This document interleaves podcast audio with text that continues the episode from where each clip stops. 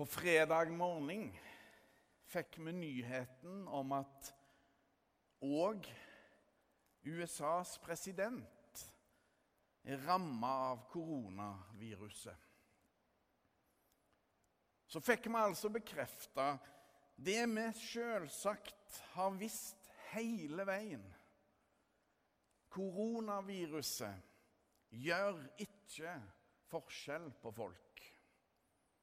Både rike og fattige rammes.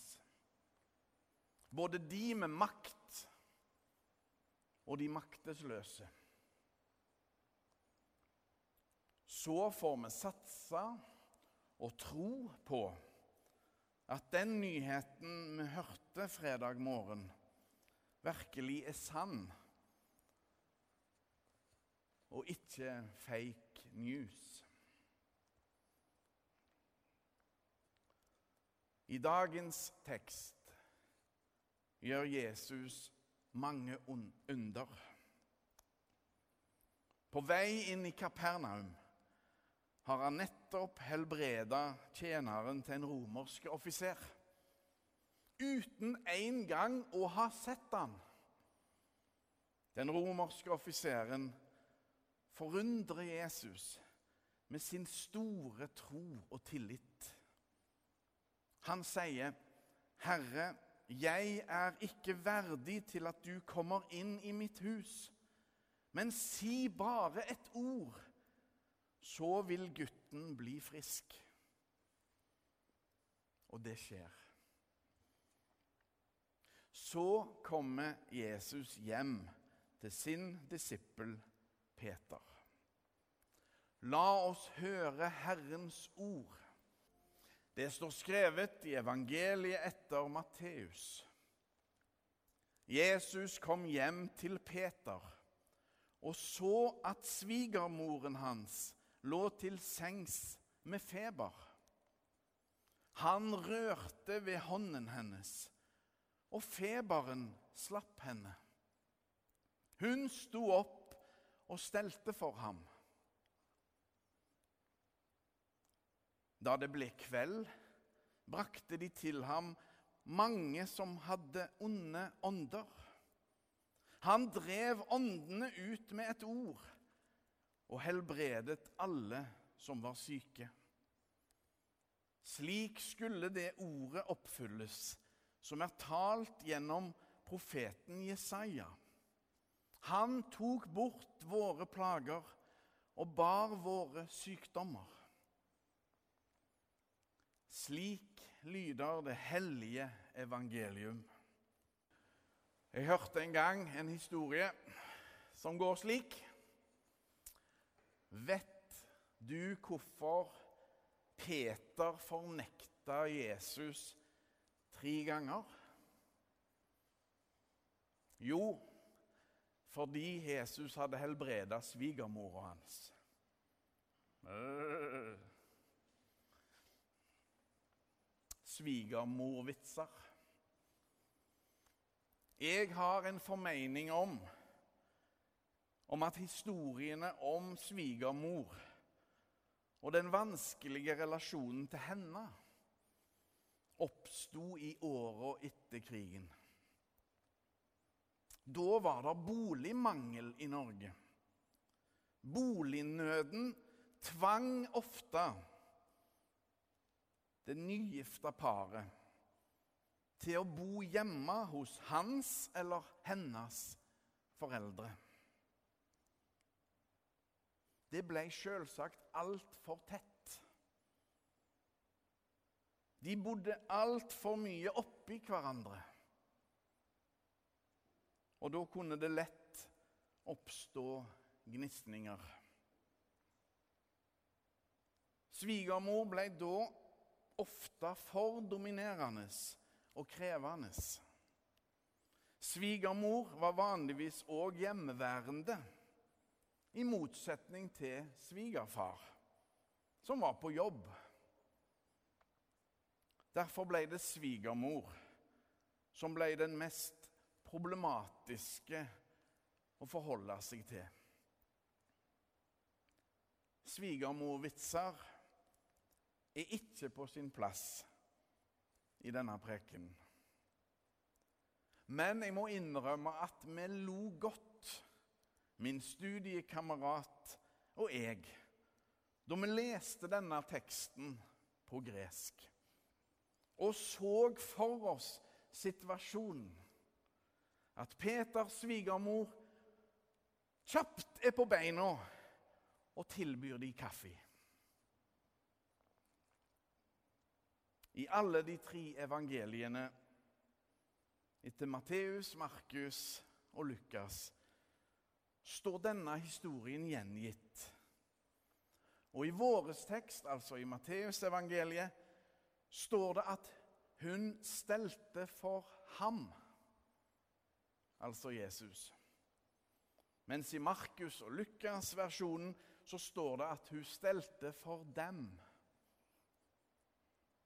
Men det greske verbet som brukes hos de alle, er diakoneo. Servere noen, stelle for, gjøre tjeneste for. Så snart feberen slipper henne, går hun inn i tjeneste for fellesskapet. Peters svigermor bedriver diakoni. Hun steller for han, Jesus. Hun gir omsorg til sine omgivelser. Å være kirke er å være omsorgsfulle. Er å være diakonale, om du vil. Ei kirke som ikke er tjenernes, omsorgsfulle, diakonale, er ingen kirke.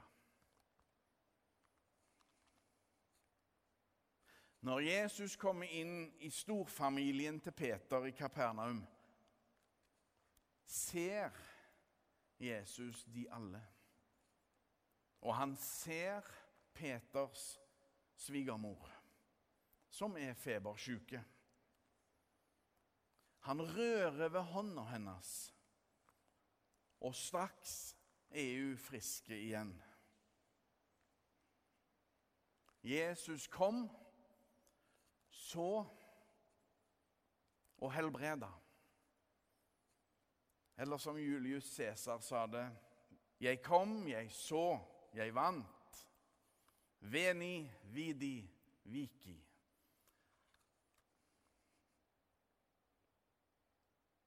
Det samme kan egentlig Jesus si. Jeg kom, jeg så, jeg vant. For det var jo akkurat det Jesus gjorde. Så er det så uendelig viktig for oss, dette. Å bli sett. Å bli sett er avgjørende.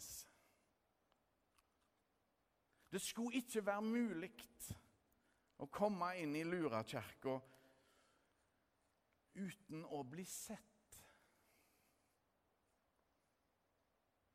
Og på det djupeste i den betydningen av ordet å bli sett.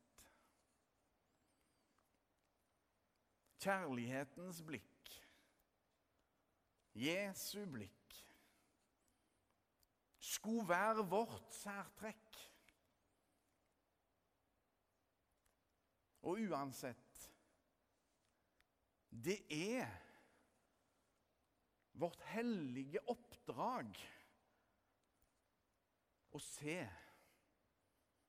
de som kommer i vår vei. At den enkelte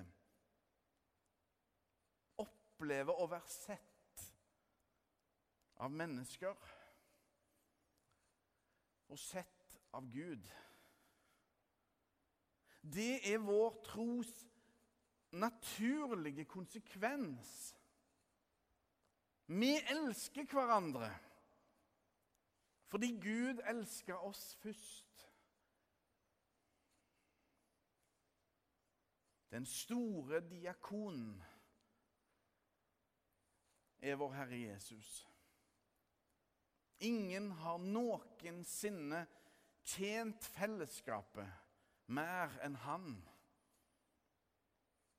Det ble profetert om Jesus mange hundre år før hans ankomst. Det finnes utallige profetier om Jesus i Det gamle testamentet. Slik som i Jesaja kapittel 53, som vi nettopp hørte bli lest. Sykdommens og dødskreftenes makt kan skremme oss. Men den makten er egentlig ingenting. Åndenes makt er heller ingenting. For det som overvinner alt, absolutt alt, er Jesu makt. Jesus er herre over dødens makt. Og det er dette han viser oss noen små glimt av i Kapernaum den dagen. Livets mange farer, inkludert koronaviruset, gjør ikke forskjell på folk. Både rike og fattige rammes. Både de med makt og de maktesløse rammes av dødskreftene som omgir oss alle. Enten det er sykdom eller ulykker eller vold, for den saks skyld. Dødskreftene har mange, mange former og utgaver. Men der Jesus ferdes, der møter dødskreftene sin overmann. Alt som vil ødelegge oss, møter i Jesus en som er sterkere. Kjærlighetens kraft er det absolutt sterkeste som finnes. Som i Kapernaum den dagen for snart 2000 år siden. Så viser livets Gud, livets Gud, seg i en skikkelse som mørket aldri kan overvinne.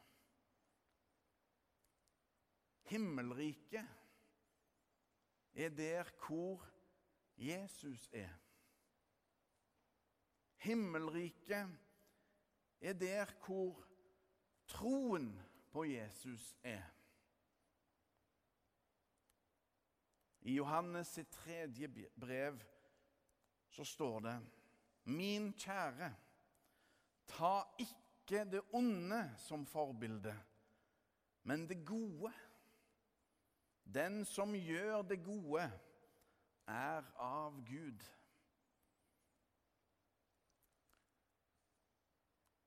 Vår Herre Jesus er virkelig av Gud.